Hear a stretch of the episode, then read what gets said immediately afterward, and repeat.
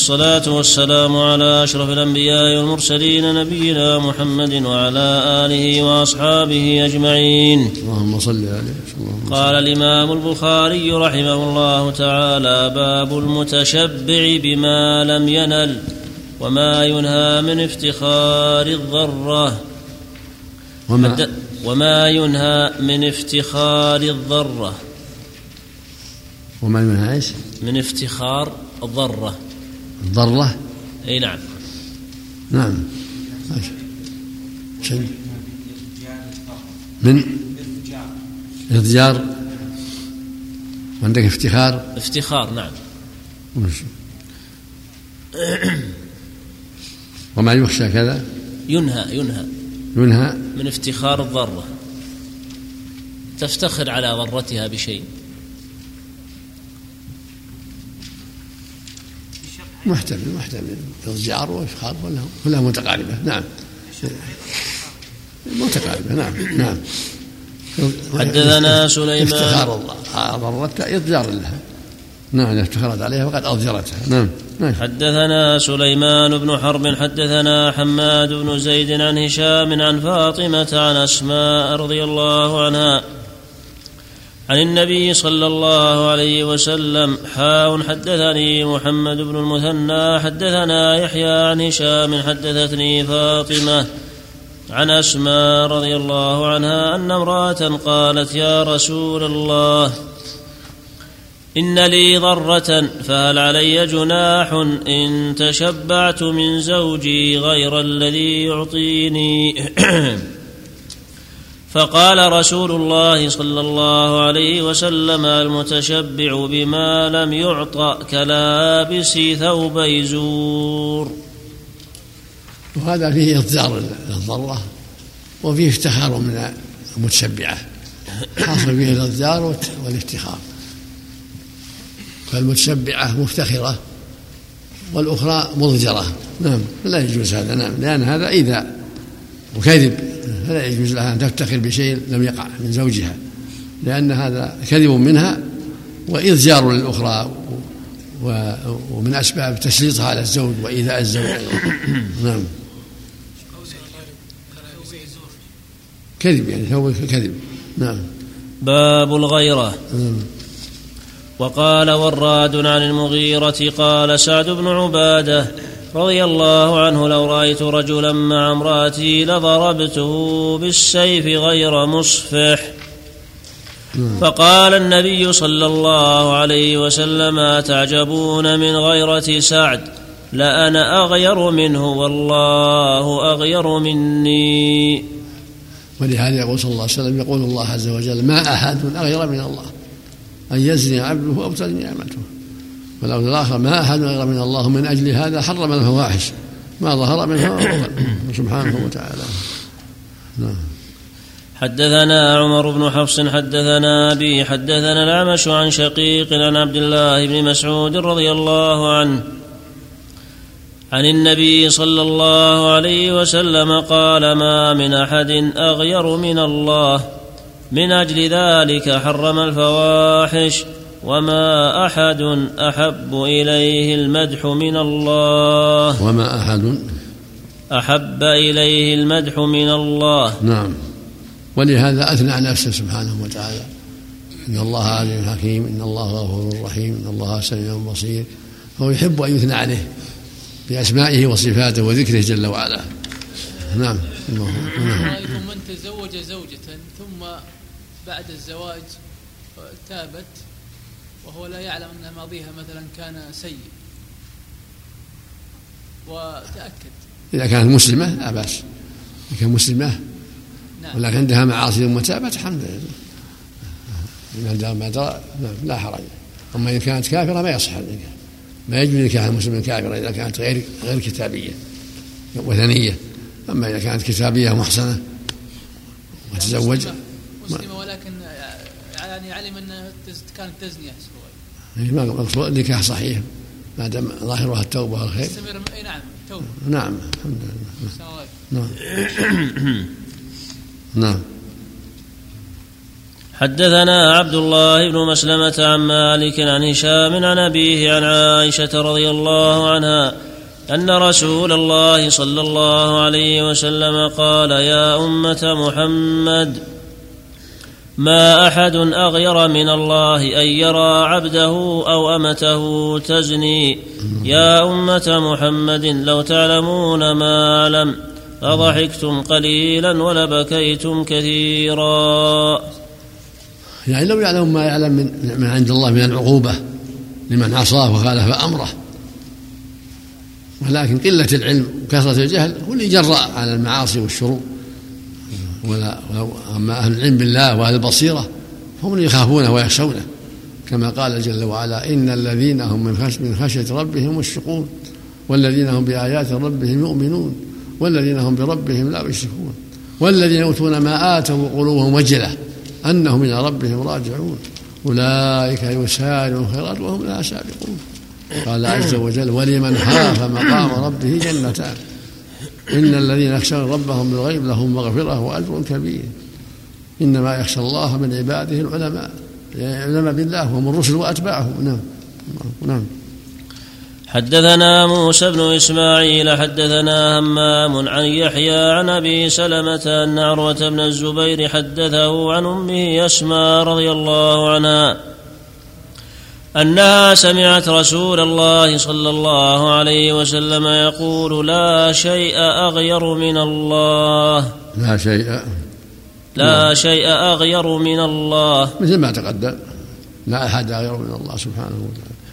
من أجل هذا حرم الفواحش هو يكرهها ويبغضها ومن أجل من أجل هذا حرمها. وإن قدرها لحكمة بالغة. لكنه يكرهها وينهى عنها سبحانه وتعالى. نعم. نعم. لا أحد ولا شيء. نعم. ولا أي شيء أخبر قل الله شهيد بيني وبينكم. نعم سبحانه وتعالى. هو شيء وذات وأحد. سبحانه وتعالى. لا لا لا, لا كالأشياء ولا كالأحد. قل هو الله أحد. نعم. كذلك كله. لا شخص ولا أحد ولا شيء. كله معنى صحيح. هو شيء عظيم.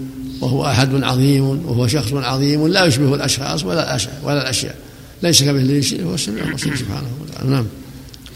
وعن يحيى أن أبا سلمة حدثه وأن أبا هريرة حدثه أنه سمع.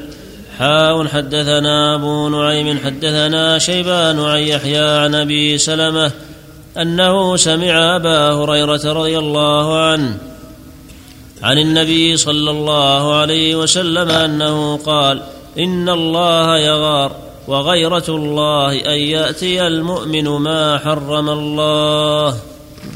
حدثني محمود حدثنا أبو أسامة حدثنا هشام قال أخبرني أبي عن أسماء بنت أبي بكر رضي الله عنهما.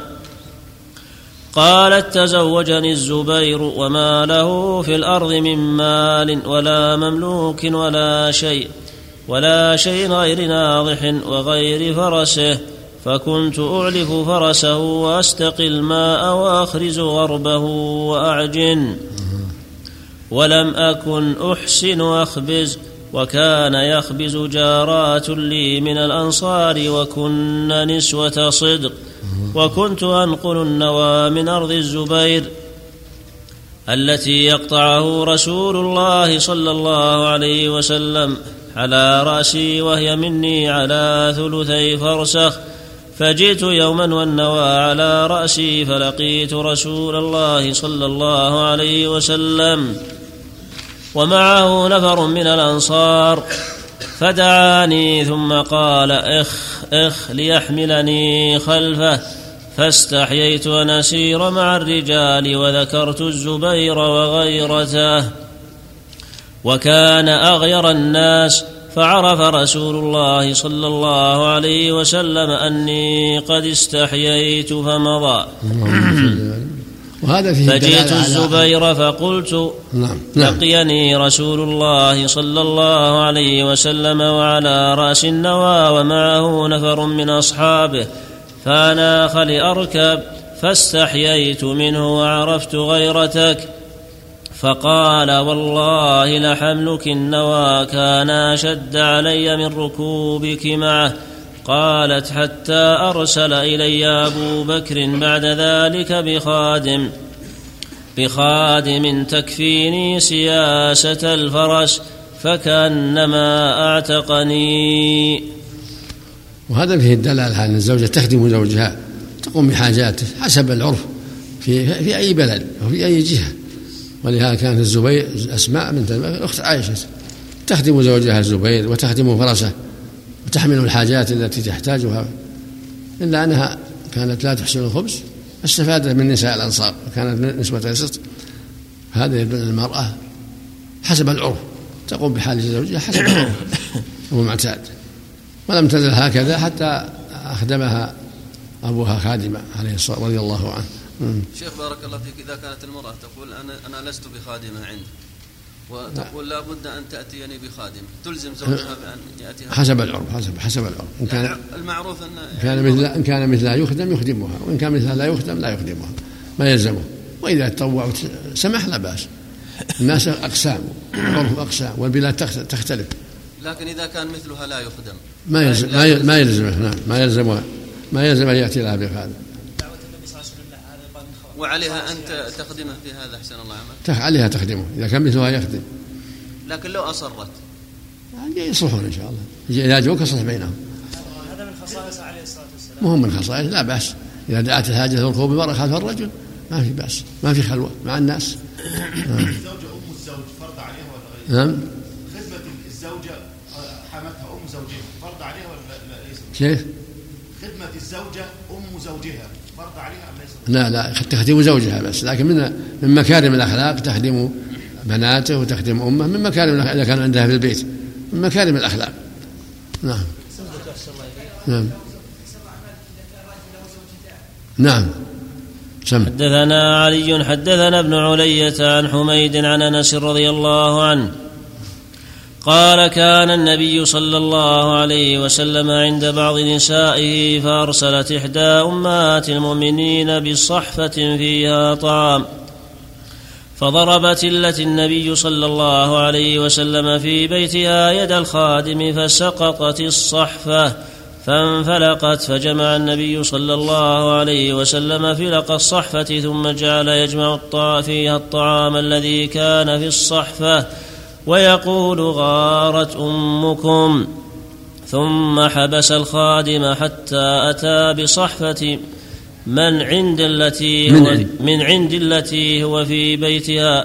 فدفع الصحفة الصحيحة إلى التي كسرت صحفتها وأمسك المكسورة في بيت التي كسرت فيه. وهذا من من غيرة النساء. أحدى أمهات المؤمنين أهدت صحفة فيها طعام في بيت عائشة. شدة غيرة عائشة ضربت الصحفة حتى انكسرت. فقال النبي غارت أمكم ولم يضربها ولم يسبها هذا في حلمه عليه الصلاة والسلام. ينبغي للزوج يكون عنده حلم وصبر وتحمل. ثم أخذ الطعام وجمعه وأخذ صحفة من بيت عائشة وأعطاها المكسورة صحفتها بدلا منها. وقال صحفة من صحفة. نعم. الله. هذا فيه الحلم وعدم الشدة فيما يقع بين الزوجتين الضرتين من البلاء. لابد من حلم وتحمل مع النصيحة والتوجيه هذا لا لا, لا بد منه.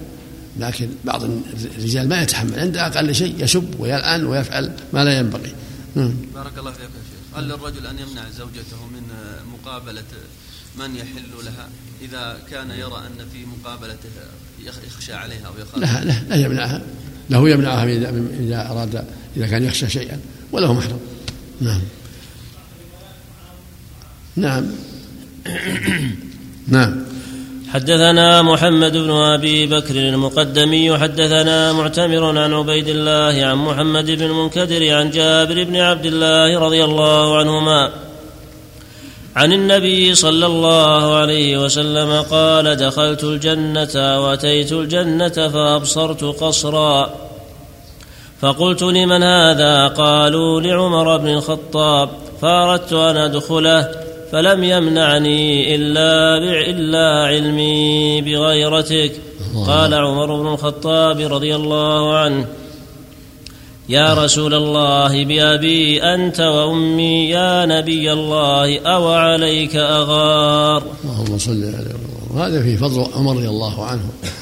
وهو أحد العشرة المشهود لهم بالجنة رضي الله عنهم وأرضاهم. نعم الله المستعان الله حدثنا عبدان وأخبرنا عبد الله عن يونس عن الزهري قال أخبرني ابن المسيب عن أبي هريرة رضي الله عنه قال بينما نحن عند رسول الله صلى الله عليه وسلم جلوس.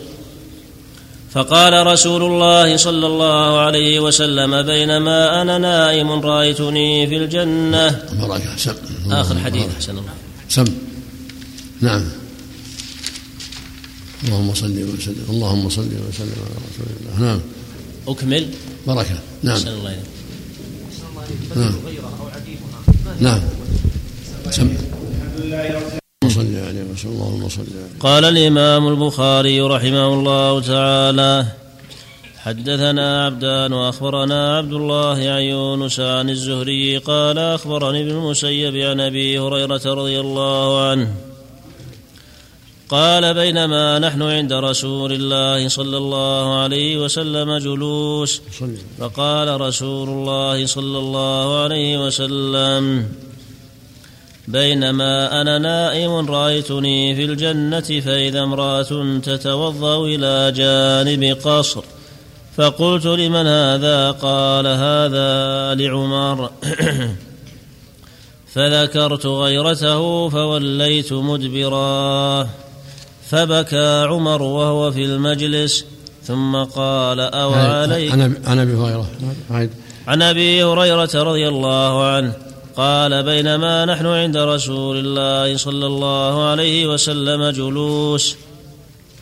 فقال رسول الله صلى الله عليه وسلم بينما أنا نائم رأيتني في الجنة فإذا امرأة تتوضأ إلى جانب قصر. فقلت لمن هذا؟ قال هذا لعمر فذكرت غيرته فوليت مدبرا. فبكى عمر وهو في المجلس فبكى عمر رضي الله عنه وهو في المجلس ثم قال أو عليك يا رسول الله اللهم وهذه منقبة كما تقدم منقبة لعمر رضي الله عنه. وهو من العشرة المشهود لهم بالجنة رضي الله عنهم وأرضاهم. نعم. هو الظاهر. نعم. باب غيرة النساء ووجدهن. الله أعلم. هو الظاهر. هو الظاهر. هو الظاهر. نساء نساء الدنيا من بعد صاروا إلى الجنة. نعم. قد يكون. ظاهر هذا أنه يقع من باب التلذذ من باب التنعم. الوضوء فيها من باب التنعم. وإذا وجد مثل ما يلهمون التسبيح والتكبير. كما يلهمون النفس يعني يتنعمون بهذا الشيء من باب التنعم. الله نعم. باب غيرة النساء ووجدهن. ثم حدثنا الوضوء عبيد ثم هذا الوضوء قبل ما بعصر الناس إلى الجنة. هذا في الدنيا وضوء في الدنيا. نعم. لأن الحور العين اللي في الجنة ما بعد جاءت الآخرة التي يصل إليهم أصحابهم وأزواجهم. نعم. نعم. نعم نعم. حدثنا عبيد بن إسماعيل حدثنا أبو أسامة عن هشام عن أبيه عن عائشة رضي الله عنها. قالت قال لي رسول الله صلى الله عليه وسلم إني لأعلم إذا كنت عني راضية وإذا كنت علي غضبا. قالت فقلت من أين تعرف ذلك؟ فقال ما إذا أما إذا كنت عني راضية فإنك تقولين لا ورب محمد. وإذا كنت غضبا قلت لا ورب إبراهيم. قالت قلت أجل والله يا رسول الله ما أهجر إلا اسمك.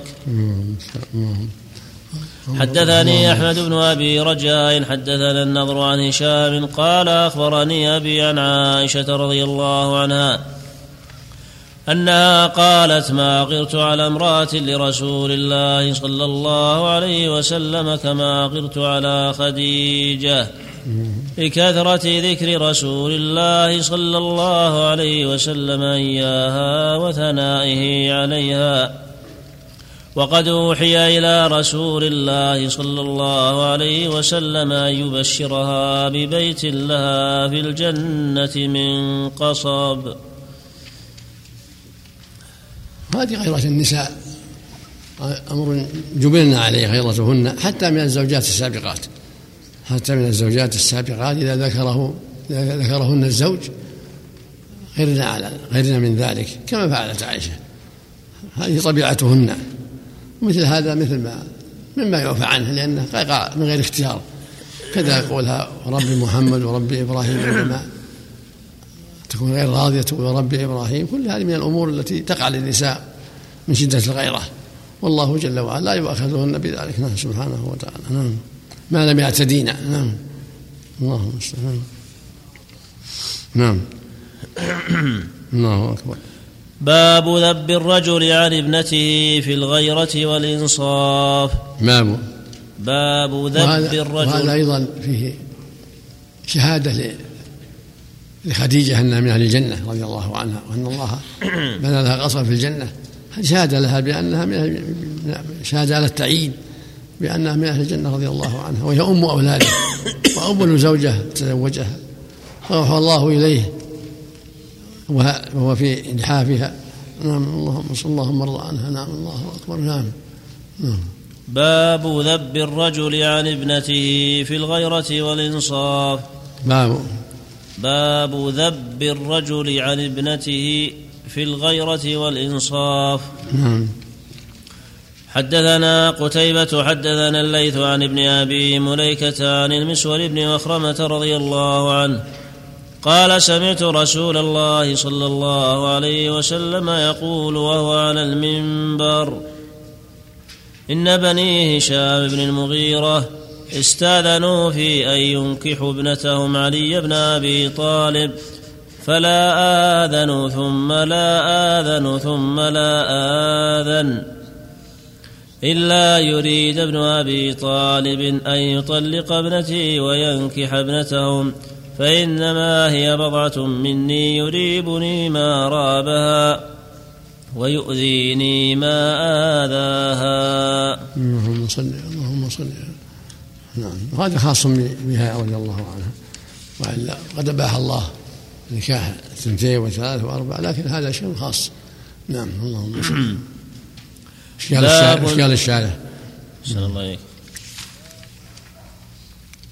على الترجمة.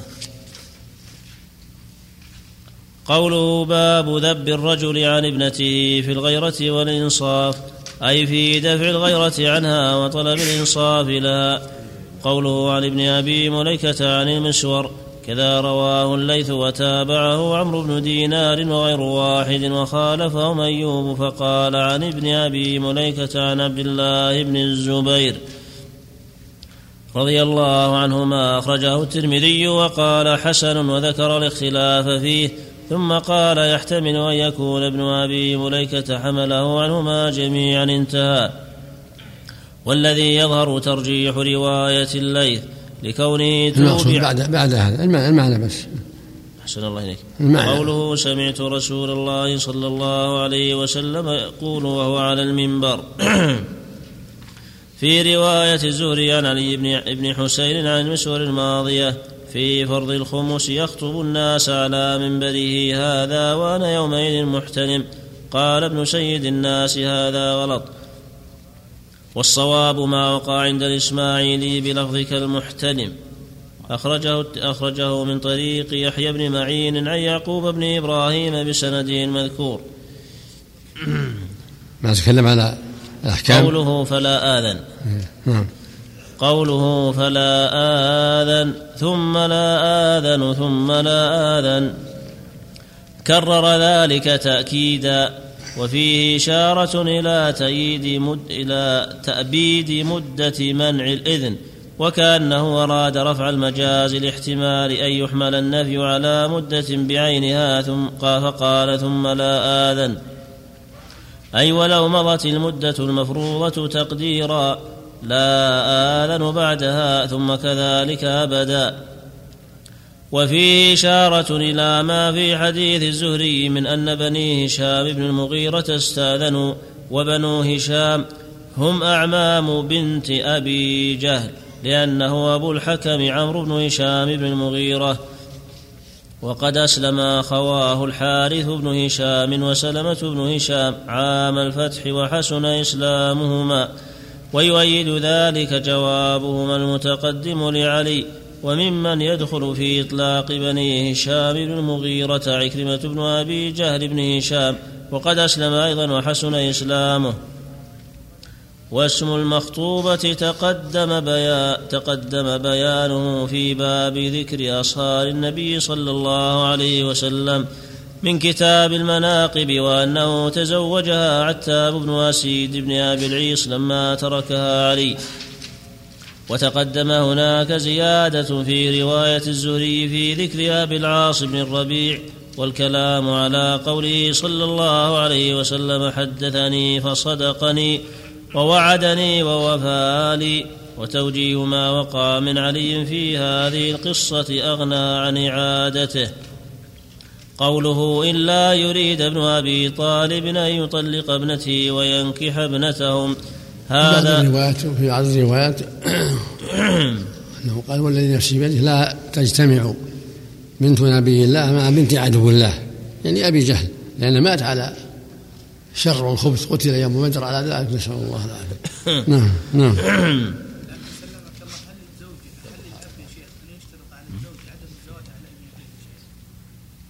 هذا هذا محل نظر أقول محل نظر. مثل ما مثل ما لها هي. إذا اتفق إذا اتفق معها على ذلك إذا اتفق معها لا لا يشرط هو الأقرب والله إذا اشترط إنها حق شرط يوفى بما استحللتم من الفروج نعم. نعم. أتكلم شيء هذا خصوصية يأتي أحسن الله نعم. هذا محمول على أن بعض من يبغض عليا وشابه وأن وشابه أنه مصمم على ذلك وإلا فلا يظن به أنه يستمر على الخطبة بعد أن استشار النبي صلى الله عليه وسلم فمنعه. وسياق سويد بن غفلة يدل على أن ذلك وقع قبل أن تعلم به فاطمة. فكأنه لما قيل لها ذلك وشكت إلى النبي صلى الله عليه وسلم بعد أن أعلمه بعد أن أعلمه على أنه بعد بعد أن أعلمه علي. علي أنه ترك أنكر عليه ذلك. وزاد في رواية الزهري وإني لست أحرم حلالا ولا أحلل حراما. ولكن والله لا لا تجمع بنت رسول الله وبنت عدو الله عند رجل أبدا. وفي رواية مسلم مكانا واحدا أبدا. وفي رواية شعيب عند رجل واحد أبدا. قال ابن التين أصح ما تحمل عليه هذه القصة. أن النبي صلى الله عليه وسلم حرم على علي أن يجمع بين ابنته وبين ابنة أبي جهل لأنه علل بأن ذلك يؤذيه وأذيته حرام بالاتفاق لا إيش؟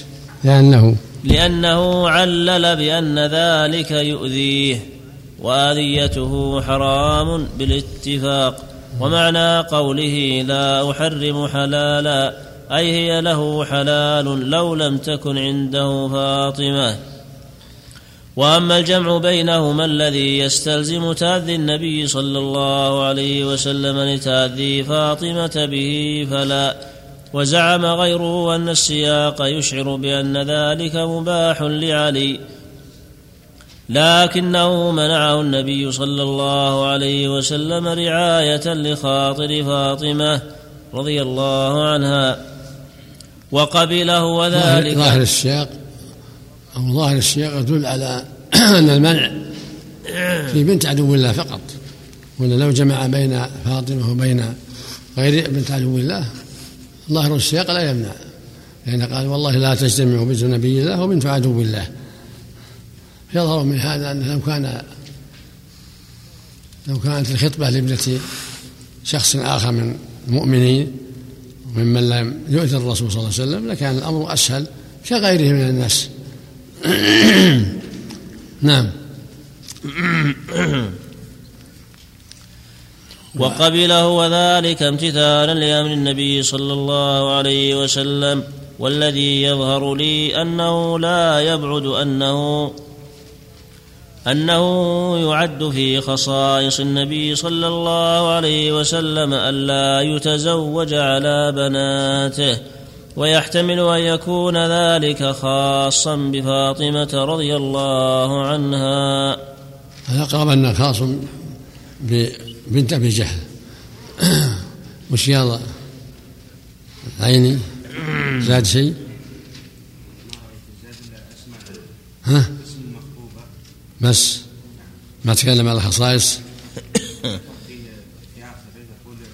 وفيه تحريم أدنى أذن أدنى أذن من يتأذى النبي صلى الله عليه وسلم بتأديه وفيه بقاء العار الحاصل للآباء في أعقابهم لقوله بنت عدو الله وفيه إكرام من ينتسب إلى الخير أو الشرف أو الديانة بس. نعم سم نعم. باب يقل الرجال ويكثر النساء. الله. قال أبو موسى رضي الله عنه عن النبي صلى الله عليه وسلم وترى الرجل الواحد يتبعه أربعون نسوة يلذن به من قلة الرجال وكثرة النساء. حدثنا حفص بن عمر الحوضي حدثنا هشام عن قتادة عن أنس رضي الله عنه. قال لأحدثنكم حديثا سمعته من رسول الله صلى الله عليه وسلم لا يحدثكم به أحد غيري. سمعت رسول الله صلى الله عليه وسلم يقول إن من أشراط الساعة أن يرفع العلم ويكثر الجهل ويكثر الزنا ويكثر شرب الخمر.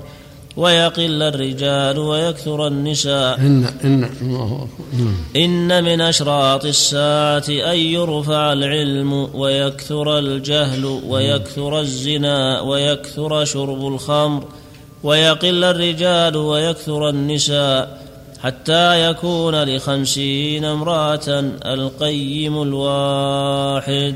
الله أكبر. الله أكبر. الثلاث الأول قد- وجدت من أسباب كثيرة. رفع العلم التي كثرة الجهل كثرة الزنا شرب هذا وقع من دهر طويل.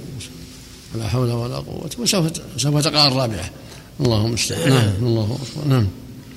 باب لا يخلون رجل بامرأة إلا ذو محرم والدخول على المغيبة. حدثنا قتيبة بن سعيد حدثنا ليث عن يزيد بن أبي حبيب عن أبي الخير عن عقبة بن عامر رضي الله عنه أن رسول الله صلى الله عليه وسلم قال إياكم والدخول على النساء. فقال رجل من الأنصار يا رسول الله أفرأيت الحم قال الحم الموت حدثنا علي بن عبد الله حدثنا سفيان حدثنا عمرو عن أبي معبد عن ابن عباس رضي الله عنهما. عن النبي صلى الله عليه وسلم قال لا يخلون رجل بامرأة إلا مع ذي محرم. فقال رجل فقام رجل فقال يا رسول الله امرأتي خرجت حاجة واكتتبت في غزوة كذا وكذا. قال ارجع فحج مع امرأتك. وهذا فيه التحذير من أسباب الشر. ولهذا قال إياكم والدخول على النساء. يعني غير المحارم. لأن هذا قد يفضي إلى شر وأقل شيء التهمة. وقد يفضي إلى الفواحش. فينبغي المؤمن التحرر من ذلك. قيل أفرأيت الحم؟ قال الحم الموت.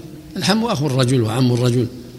قد تساهل معه تخلو به لأن عم زوجها أو أو أخو زوجها فيقع الشر. فينبغي المؤمن التحرر. ولهذا في رواية مسلم لا يدخلن رجل على امرأة مغيبة إلا ومعه رجل أو رجلان. لأن هذا أبعد من الزيبة الخلوة باب شر. نعم.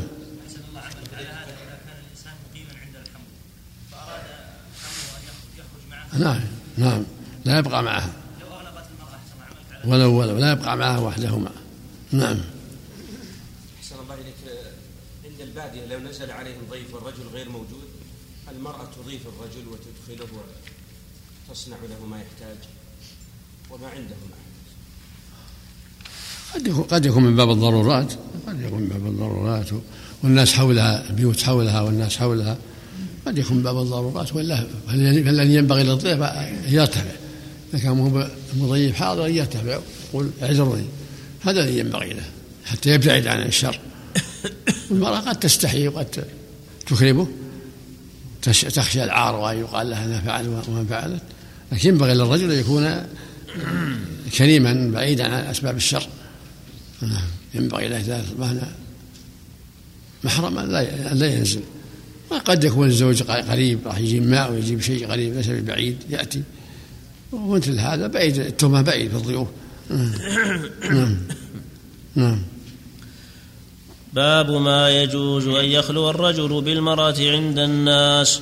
المرأة سم اللهم صل نعم.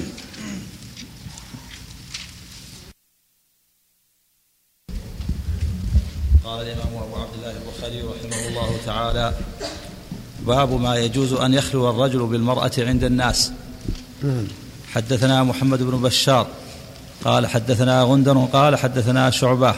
عن هشام قال سمعت أنس بن مالك رضي الله عنه قال جاءت امرأة من الأنصار إلى النبي صلى الله عليه وسلم فخلا بها فقال والله إنكم لأحب الناس إلي. قال جاءت امرأة. قال سمعت أنس بن مالك رضي الله عنه قال جاءت امرأة من الأنصار إلى النبي صلى الله عليه وسلم فخلا بها فقال والله إنكم لاحب الناس إلي. نعم. يعني الأنصار نعم. نعم. باب ما ينهى من دخول المتشبهين بالنساء على المرأة. باب إيش؟ باب ما ينهى من دخول المتشبهين بالنساء على المرأة. المتشبهين نعم. نعم. باب ما ينهى من دخول المتشبهين بالنساء على المرأة. وهم المهنثون وهم المهنثون نعم. حدثنا عثمان بن أبي شيبة قال حدثنا عبدة عن هشام بن عروة عن أبيه عن زينب بنت أم سلمة عن أم سلمة رضي الله عنها أن النبي صلى الله عليه وسلم كان عندها وفي البيت مخنث فقال المخنث لأخي أم سلمة عبد الله بن أبي أمية إن فتح الله عليكم الطائف إن فتح الله عليكم الطائف غدا أدلك على ابنة غيلان فإنها تقبل بأربع وتدبر بثمان. فقال النبي صلى الله عليه وسلم لا يدخلن هذا عليكم. لأنه صار يعرف يميز بين الجميلة وغير الجميلة يحصل بفتنة. فلهذا منع. نعم. تقبل بأربع عكن يعني عكن بطنها تدبر بثمان أربعة منا وأربعة منا من سمنها سمينة. باب نظر المرأة إلى الحبش ونحوهم من غير الحديث الصحيح لعن الله المخنثين من الرجال والمترجلات من النساء وقال أخرجوهم من بيوتهم. هو المؤلف رحمه الله. اللعن يدل على خبث العمل وأن الواجب على المؤمن أن يحذر التشبه بالنساء. لا في كلامه ولا في لباسه ولا في مشيه ولا في غير ذلك. يجب الحذر من التخنث. ولهذا لعن رسول المخنثين. وهكذا المرأة يجب الحذر من الترجل والتشبه بالرجال. يجب أن تلزم زيها وصفة النساء وأن تحذر التشبه بالرجال. هذا يحرم عليه التشبه بالنساء وهذه يحرم عليه التشبه بالرجال. نعم. نعم. قد يلحق بذلك لكن أمره خاص أمر اللحية محرم مطلقة ولو ما قصد التخنث يحرم عليه حلقها مطلقة. وإذا أراد التخنث صار شرا إلى شر.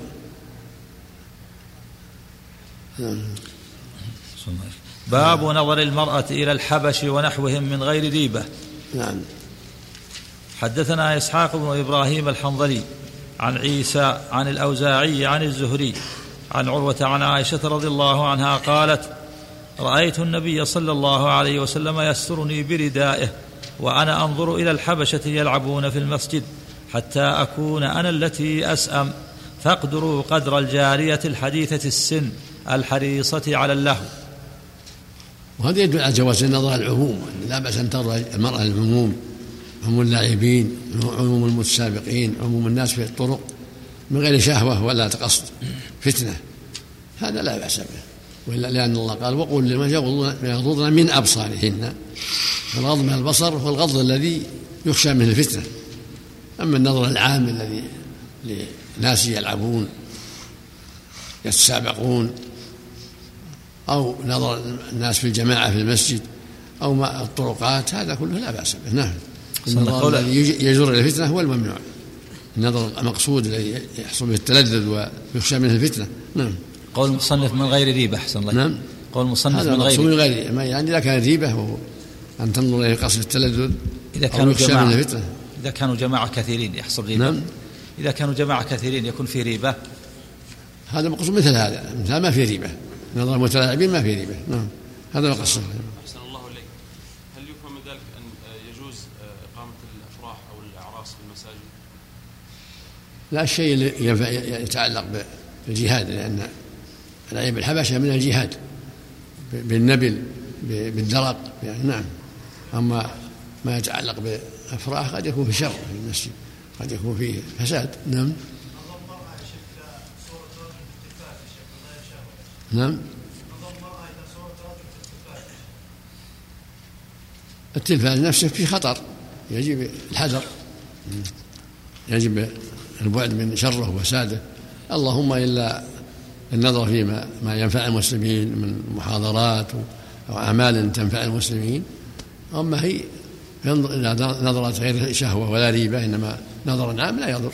التلفزيون إذا كان تحت يعني شيخ مراقبه محكمة في ينظر مثلا في البرامج العلمية. على كل حال اذا كان الرجل يحكم ذلك فلا بأس.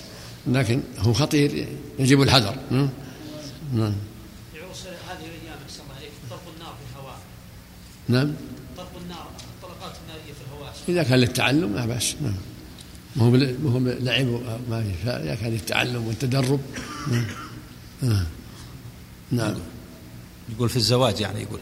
نعم. يقول طلق النار في الزواج يعني. نعم. ليلة الزواج يعمل هذا طلقات النارية. إذا كان للتعلم تعلم الرمي لا بأس. أما كان إضاعة مال بدون فائدة لا نعم. إعلانا للفرح أحسن الله نعم. يجعلونها إعلانا للفرح يطلقون شيئا من الرصاص. بعض الناس قد يقع بعض الناس في بعض البلاد الجنوبية يفعلون هذا لكن بلغني الآن أخبرني جماعة من الناس أنه قد يقع في شر وقتل قد قد يخطئ الرامي وقد يحصل بالقتل فإذا كان يحصل بالشر يجب منعه على ولاة الأمور. إذا كان في بلد قد يخشى من الشر يمنع. أما إذا كان لا لتعلم الرباية مثل ما فعل الحبشة لتعلم الرياية بالسيوف بالرماح بالدرج بإطلاق الرمي في الهواء من دون مضرة على أحد فلا بأس. أما إذا كان يخشى منه مضرة فعلى ولي الأمر أن يمنعه. نعم. أين أينما كان؟ إذا كان في مضرة على أحد. نعم.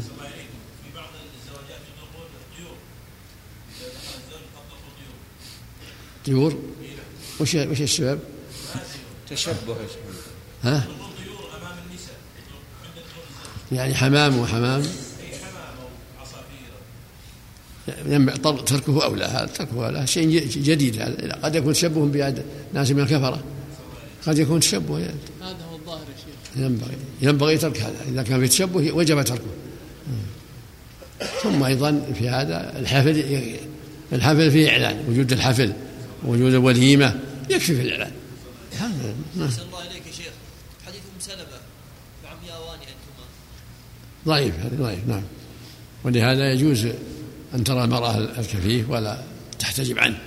قال النبي صلى الله عليه وسلم لفاطمة بنت قيس احتجبي عند ابن أم مكتوم فإنه رجل أعمى تضعين ثيابك فلا يراك. وقال صلى الله عليه وسلم في الاستئذان إنما جعل الاستئذان من أجل النظر. نعم. هذا سائل أحسن الله يسأل عن حكم النظر الرجال للنساء بلا يجب غض البصر. يجب غض البصر.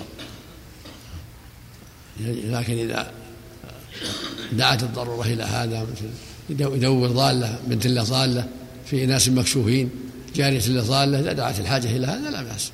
نعم. الله عليك أو إذا دعت الحاجة إلى مثل بنت له ضايعة زوجة له ضايعة جارية له ضايعة في بلد لا يستترون له النظر حتى يعرف بنته أو زوجته أو جاريته. نعم. صلى الله عليك الشارح يقول المصنف ظاهر الترجمة أنه يذهب إلى جواز نظر المرأة إلى الأجنبي بخلاف عكسه. إيش؟ الشارح يقول مم. ظاهر الترجمة أن المصنف كان يذهب إلى جواز نظر المرأة إلى الأجنبي بخلاف عكسه. يقول بغير ريبة بغير ريبة النظر مثل النظر العام نعم. أو النظر للتعرف هو هو ولا أبوها ولا منه أو هو زوجها. أما إذا كان لريبة هذا هو اللي يمنع. نعم. باب خروج النساء لحوائج باب خروج النساء لحوائجهن. نعم. حدثنا فروة بن أبي المغراء. قال حدثنا علي بن مسهر عن هشام عن أبيه عن عائشة رضي الله عنها قالت خرجت سودة بنت زمعة ليلى فرآها عمر فعرفها فقال إنك والله يا سودة ما تخفين علينا. فرجعت إلى النبي صلى الله عليه وسلم. فرجعت فرجعت. فرجعت إلى النبي صلى الله عليه وسلم فذكرت ذلك له وهو في حجرة يتعشى وإن في يده لعرقا فأن فأنزل عليه فرفع عنه وهو يقول قد أذن قد أذن الله لكن أن تخرجن لحوائجكن. وكان وكانوا في عهد النبي صلى الله عليه وسلم تخرج إلى يخرجون في الليل إلى حوائجهن قضاء الحاجة في بعض الأودية البعيدة قضاء التبرز ثم اتخذوا كنوه بعد ذلك في البيوت واستغنوا عن الخروج.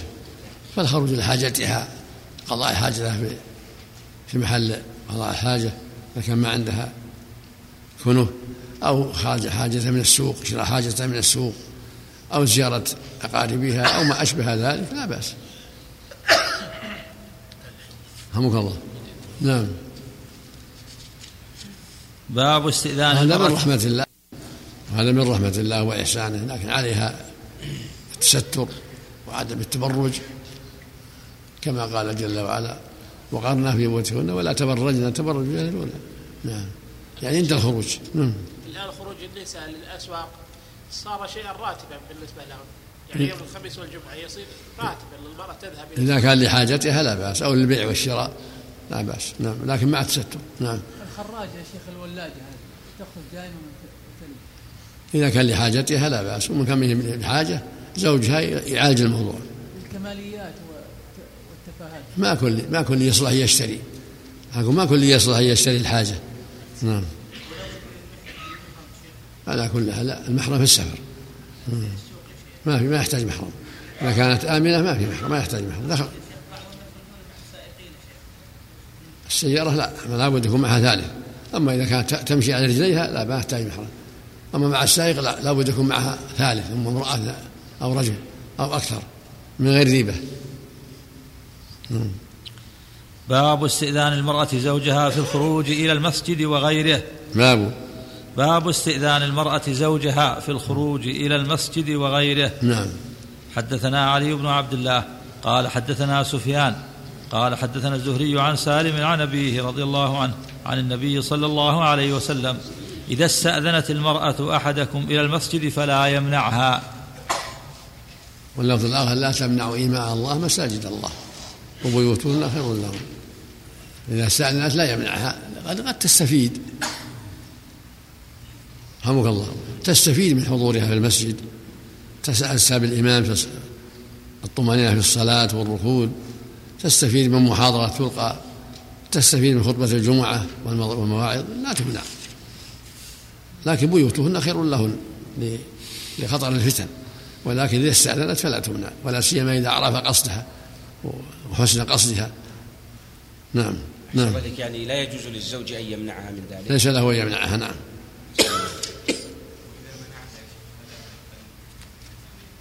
نعم. إيه. الرسول منع قال لا تمنعون لا تمنعوا ما ليس له ليس له يعصي الرسول صلى الله عليه وسلم. نعم. نعم. إذا منعها لحاجة لا تمنعوا إماء الله مساجد الله. نعم. باب ما يحل باب ما يحل من الدخول والنظر إلى النساء في الرضاع. حدثنا عبد الله بن يوسف قال أخبرنا مالك عن هشام بن عروة عن أبيه عن عائشة رضي الله عنها أنها قالت جاء عمي من الرضاعة فاستأذن علي. فأبيت أن آذن له حتى أسأل رسول الله صلى الله عليه وسلم. فجاء رسول الله صلى الله عليه وسلم فسألته عن ذلك فقال إنه عمك فأذني له. قال فقلت يا رسول الله إنما أرضعتني المرأة ولم يرضعني الرجل.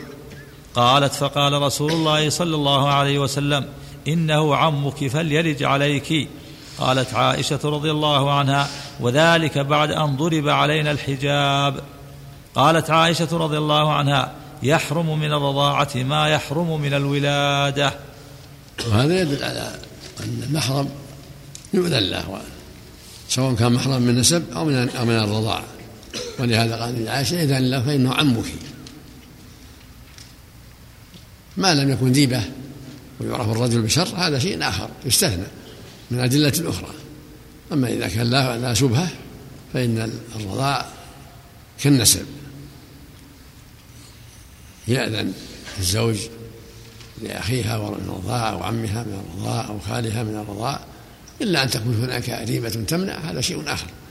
نعم. نعم.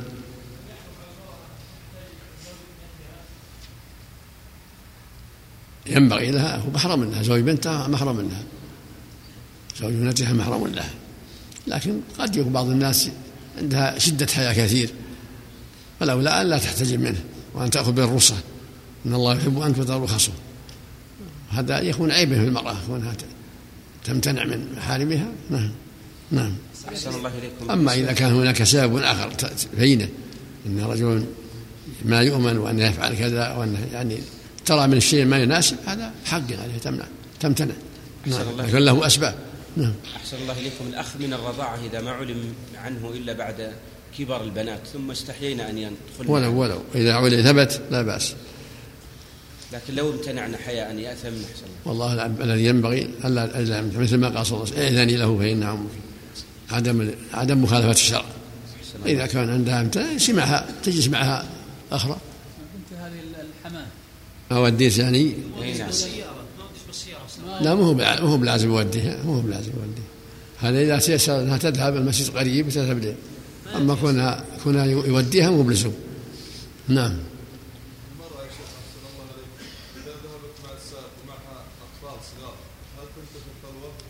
كيف؟ أقول المرأة إذا ذهبت مع السائل ومعها أطفال صغار هل الخلوة؟ الأطفال مهم مهم ما ينفعون. الأطفال ما لو لو من محرم أو أو امرأة أخرى معها من يوثق بها أو رجل آخر. أما الأطفال ما ينفعون. نعم. في في المحرمية في السفر أو إزالة الخلوة. إزالة الخلوة أسهل. قد يكون دون المحرمية لكن يحصل به يحصل به يعني إزالة الخلوة. لكن السفر لا. أشد السفر أشد. نعم. ما لا ما لكن اللي صار من أربعة عشر أو حوله قد في في البيت قد يكون ينفع. نعم. باب لا تباشر المرأة المرأة فتنعتها لزوجها. بركة سم. اللهم صل على اللهم صل وسلم بسم الله الرحمن الإمام أبو عبد الله البخاري رحمه الله تعالى.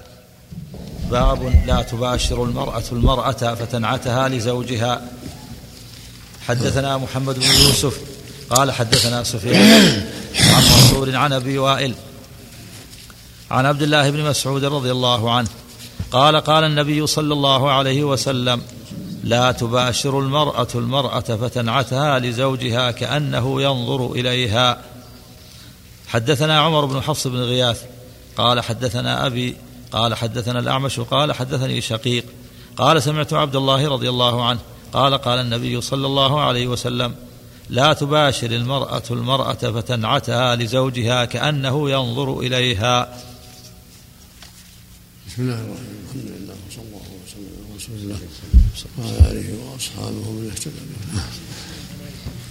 إنما نهى النبي نهى النبي عن هذا عليه الصلاة والسلام لأنها قد يكون وسيلة للفتنة بها. قد تنعتها له صفت كذا صفت كذا كأنه ينظر إليها فيفتنى بها. وربما جره ذلك إلى ما حرم الله عليه. فالحاصل أنه لا يجوز المرأة أن تذكر لزوجها فلانة صفت كذا أو صفت كذا صفت يعني تدقق في صفاتها كأنه ينظر إليها.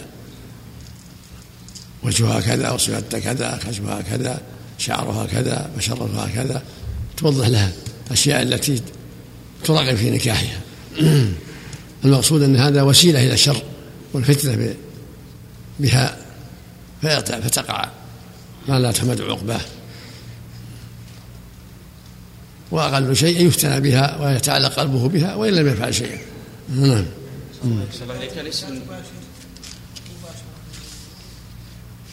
يعني تصب بشرتها وتصب صفتها. كأنه ينظر إليها. مو معناه أنه يعني تلتحم بها ولا تجمع معها في ثوبها لا المراد يعني تباشرها بالوصف يعني. صفت كذا وصفت كذا وصفت كذا نعم. الله إليك المرأة من المعلوم أنها ذات غيرة. قد لا تصف النساء أو هو لو ذكر النساء غضبت.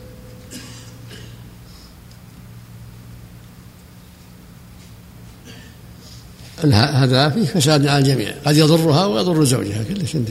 اشكال الشارع على لا تباشر. قوله لا تباشر المرأة المرأة. زاد النسائي في روايته في الثوب الواحد. قوله فتنعت قوله فتنعتها لزوجها كأنه ينظر إليها. قال القابسي هذا أصل لمالك في سد الذرائع. فإن الحكمة في هذا النهي خشية فإن الحكمة في هذا النهي خشية أن يعجب الزوج خشية أن يعجب الزوج أن يعجب الزوج الوصف المذكور. فيفضي ذلك إلى تطليق الواصفة أو الافتتان بالموصوفة. ووقع في رواية النسائي من طريق مسروق عن ابن مسعود رضي الله عنه بلفظ لا تباشر المرأة المرأة ولا ولا ولا الرجل الرجل. وهذه زيادة ثبتت في حديث ابن عباس رضي الله عنده وعند مسلم وأصحاب السنن من حديث أبي سعيد بأبسط من هذا ولفظه لا